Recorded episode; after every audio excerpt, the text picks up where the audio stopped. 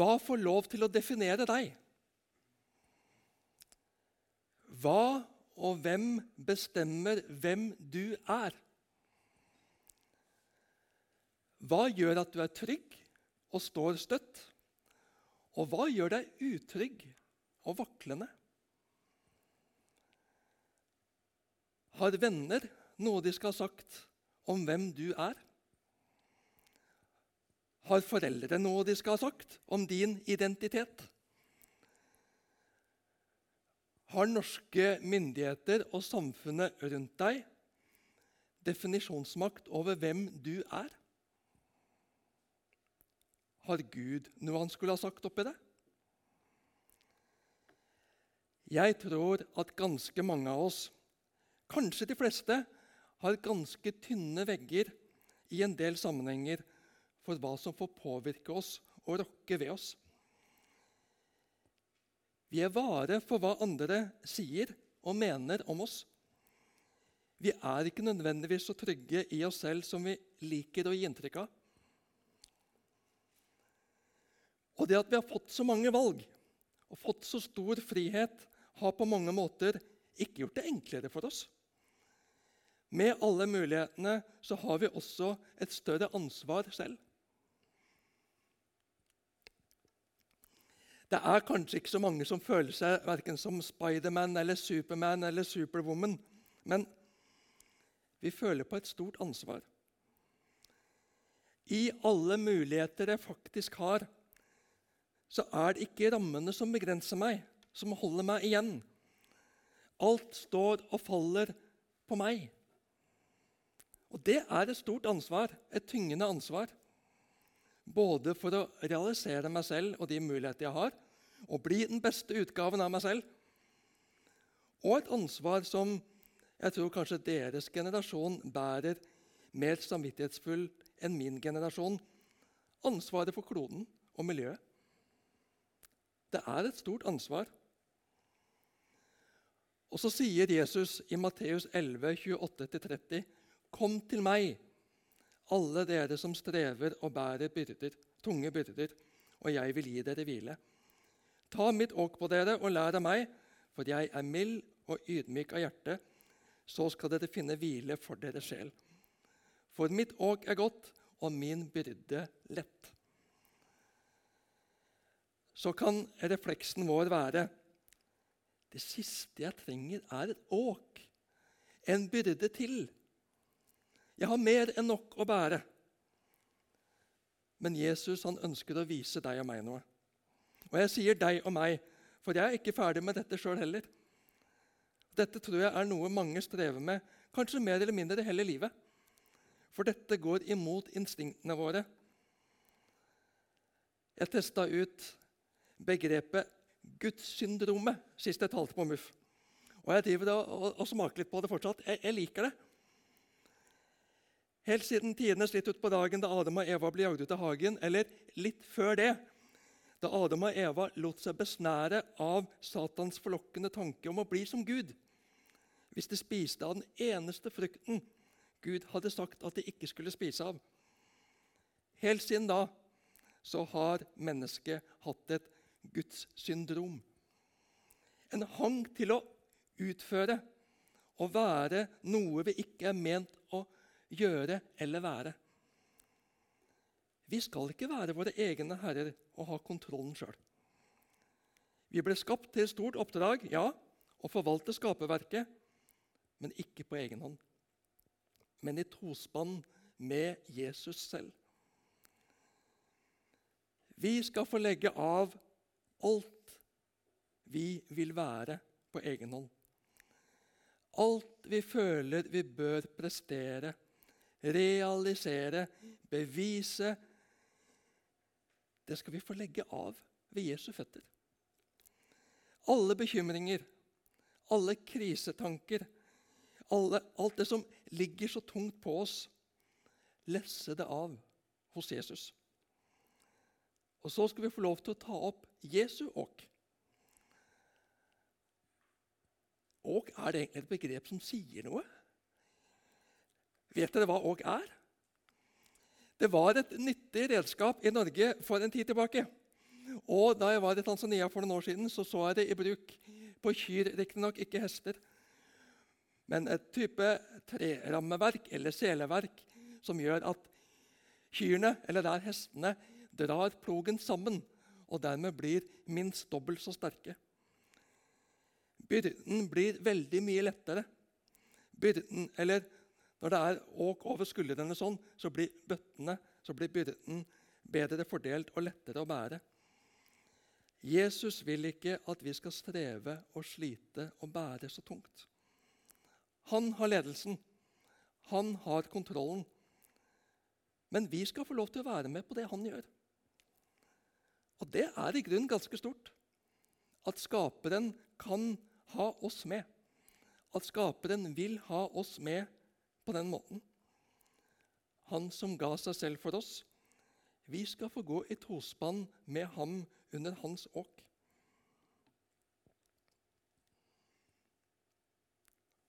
Forbindelse der, ja. Mm. Hvem er du? Jeg skal ikke definere deg, men jeg har lyst til å vise deg litt av det som Gud sier om deg, og hva Han har gjort for deg, satt deg inn i og vil gi deg. Om du vil gi ham den plassen i livet ditt, om han virkelig får være din Gud. For det første Gud skapte deg i kjærlighet. Om du var nøye planlagt av dine foreldre, eller om du kom som en gledelig overraskelse, Uansett, du er skapt av Gud i kjærlighet. Gud elsker deg. Vet du hva han sier om deg? Det ble sagt om Israel, men det er også sant om deg, slik vi leser det i Zakaria 2,12. Den som rører dere, rører ved min øyensten.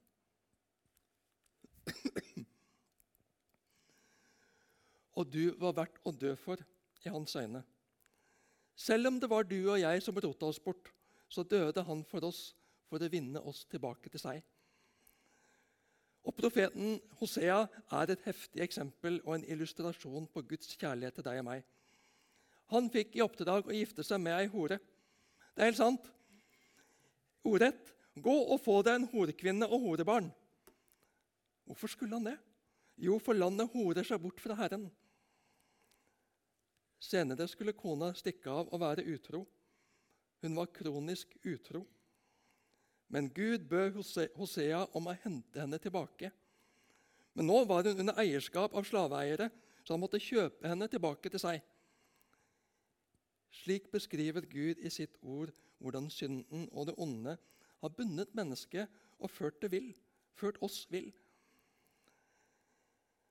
Men Gud slutter ikke å elske oss om vi forviller oss bort fra ham. Han kjøpte oss tilbake til seg. Ikke for å eie oss, men for å fri oss ut, for å sette oss i frihet. Til frihet til det livet som han skapte oss til.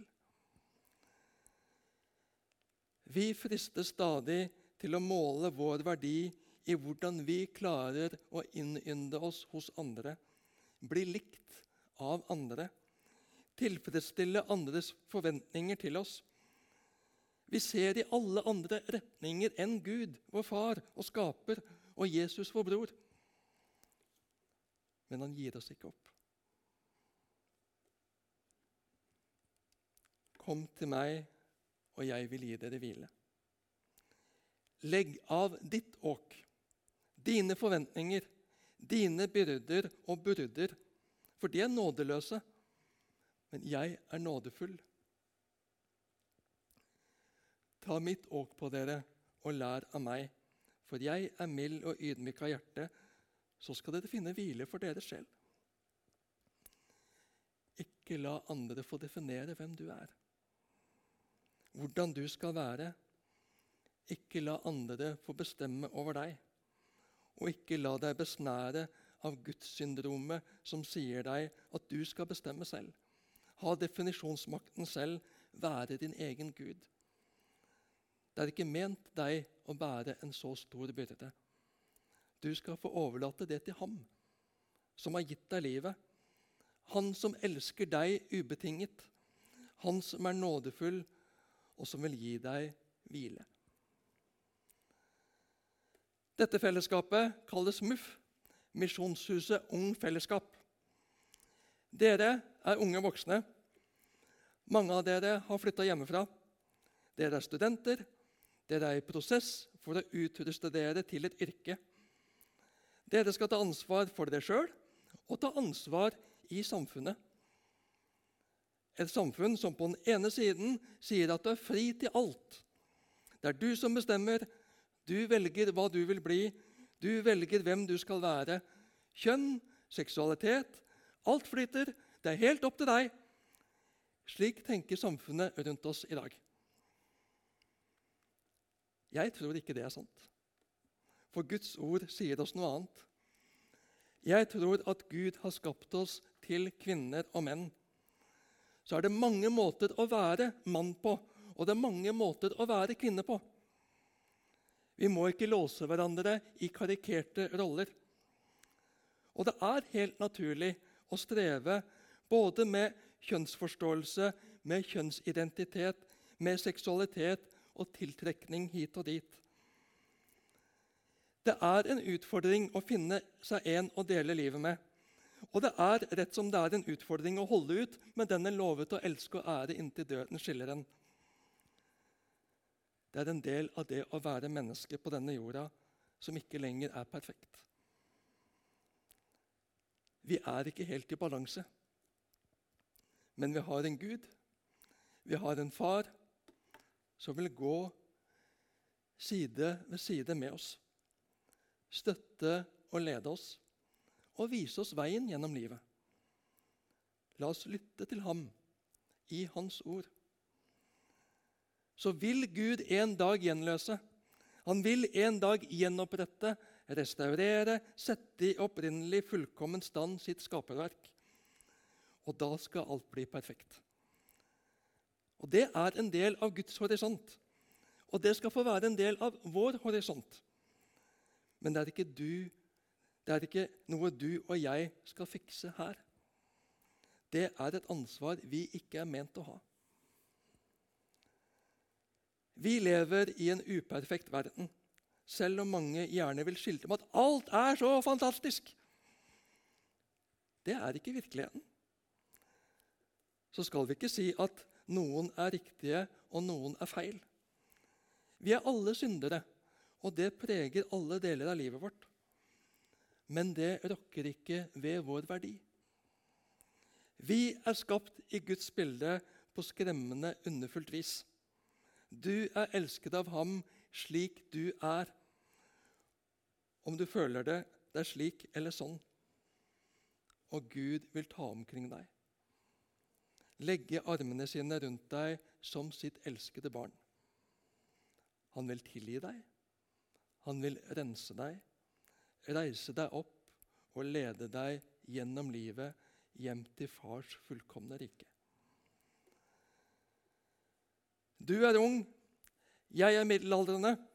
Siv, kona mi, nekter når jeg kommer med det begrepet. Men jeg har forsont meg med det. Det er en, hører med til det å gå mot de 50. Eh, sånn. Rett selvbilde er ikke alltid så enkelt, men prøver. Ja. Middelaldrende, jo. Men om vi er unge, eller middelaldrende eller eldre, gamle, så strever vi alle med livet på en eller annen måte. Jeg har min medvandrer som jeg deler livet med på dypet. Som jeg deler mine utfordringer, fristelser og synder med. For at han skal hjelpe meg og holde meg ansvarlig.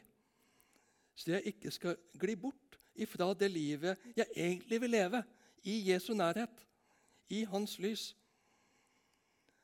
Og ønsker du hjelp til å komme i kontakt med en som kan være din medvandrer Når vi snakker om medvandrere, så er det gjerne en eh, litt ulik alder, men samme kjønn. En én-til-én-relasjon hvor en deler liv, deler tro, deler ord og deler bønnen med en viss, viss hyppighet. Og når kjemien er god, så blir tryggheten god, og så kan en gå på dypet. Og så kan det være en som kan hjelpe en både til å oppmuntre, både til perspektiv og til ansvarliggjøring. Og Ønsker du å få en medvandrer i Misjonshuset, og ønsker hjelp til å komme i kontakt med en som kan være din medvandrer, så ta gjerne kontakt. Misjonshuset vil hjelpe deg med det. Vi kan ha det godt for all del, men livet er ikke perfekt. Ikke her. Ikke ennå. Ikke på denne siden av evigheten. Om vi er unge voksne eller godt voksne, så gjelder Gudsordet som vi finner i Galaterne 3, både deg og meg. For dere er alle Guds barn ved troen i Kristus Jesus. Alle dere som er døpt i Kristus, har kledd dere i Kristus. Her er ikke jøde eller greker, her er ikke slave eller fri, her er ikke mann eller kvinne. Dere er alle én i Kristus Jesus. Og hører dere Kristus til, er dere Abrahams ett og arvinger etter løftet. Dette bibelavsnittet misbrukes i dag av noen til å slette ut alle normer og kategorier. Noen bruker det for å si at alt flyter, og det er opp til oss.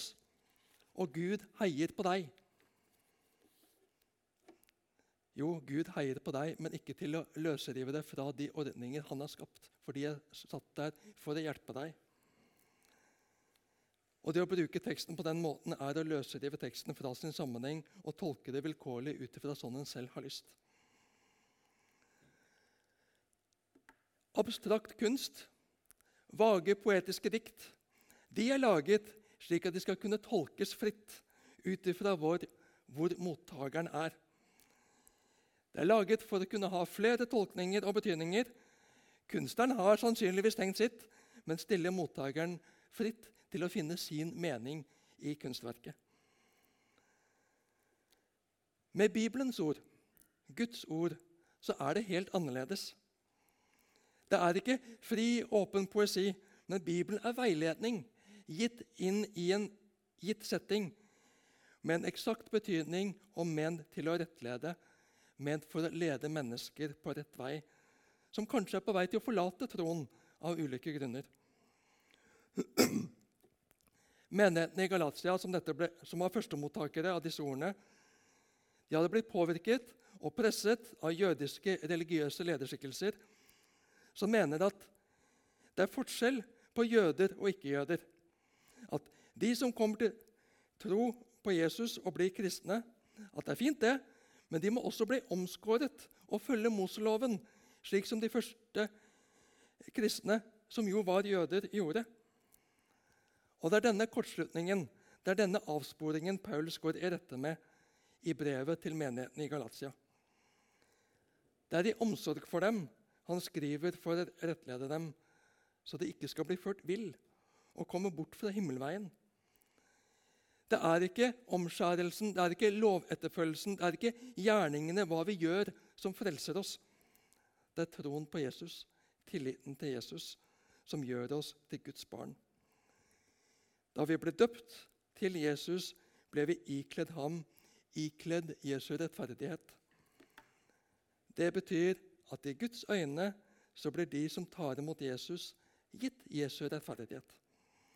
Innenfor Gud så er vi fullkomne, så er vi rene, fordi Jesus er fullkommen ren. Her er det ikke forskjell på jøder og grekere, slaver eller fri, menn eller kvinner. Vi blir frelst på samme måte. Vi får være Guds barn på samme måte, på samme vilkår. Og vi får være én i Kristus Jesus. Vi hører sammen fordi vi alle er Jesus. Og når vi hører Jesus Kristus til, så er vi under løftet Gud i sin tid ga Abraham, Guds folk. Og vi er arvinger til Guds evige rike. Folk har fortsatt ulik etnisitet. Men veien til Gud gjennom Jesus er den samme for alle. Om en er født fri eller slave, om en er blitt gjenstand for menneskehandel, så er frelsen i Jesus tilgjengelig akkurat like mye og på samme måte. Vi er skapt av Gud til mann og kvinne, grunnsteinen for å føre menneskehetene videre. Og vi er Guds barn ved troen på Jesus, uavhengig av kjønn. Selvfølgelig for både mann og kvinne er skapt i Guds bilde, elsket av ham. Og han har åpnet veien tilbake til seg ved å gjøre opp for vår synd vår ufullkommenhet, slik at synden ikke henger ved oss når vi går fra dette livet og inn i evigheten. Det er tatt et oppgjør med, den er sona for, det er utslettet innenfor Gud. Derfor skal det bli helt annerledes der. Alt som her trekker livet ned, skal være borte når vi er hjemme hos far. All urettferdighet, all usikkerhet, all lidelse og smerte. Der skal det bare være godt. Fullkomment. Perfekt. Og det skal du og jeg også få være. Fullkomment god. Vi er ikke det ennå, men det er framtidsløftet og framtidsforventningen far gir oss, som vi har i Jesus. Derfor skal vi få gå i tospann med Jesus. Det er ikke et liv uten utfordringer i det samfunnet vi lever i. Men det er lett i forhold til det vi så lett baler med og forventer av og legger på oss selv. Han er nådig og kjærlig. Han vil gi oss det vi trenger dag for dag, helt til vi står frelst og fri hjemme hos ham. Legg av gudssyndromet. Legg av gudsambisjonene. Legg av kravet om definisjonsmakten. La ham være Herre og Frelser. Jesus, jeg vil tilhøre deg. Jesus, jeg vil følge deg. Takk for din nåde. Takk for din frelse. Takk at du viser meg hvem jeg er, hvem jeg får være i deg. Guds barn, Guds sønn, Guds datter, elsket, borger av Guds rike.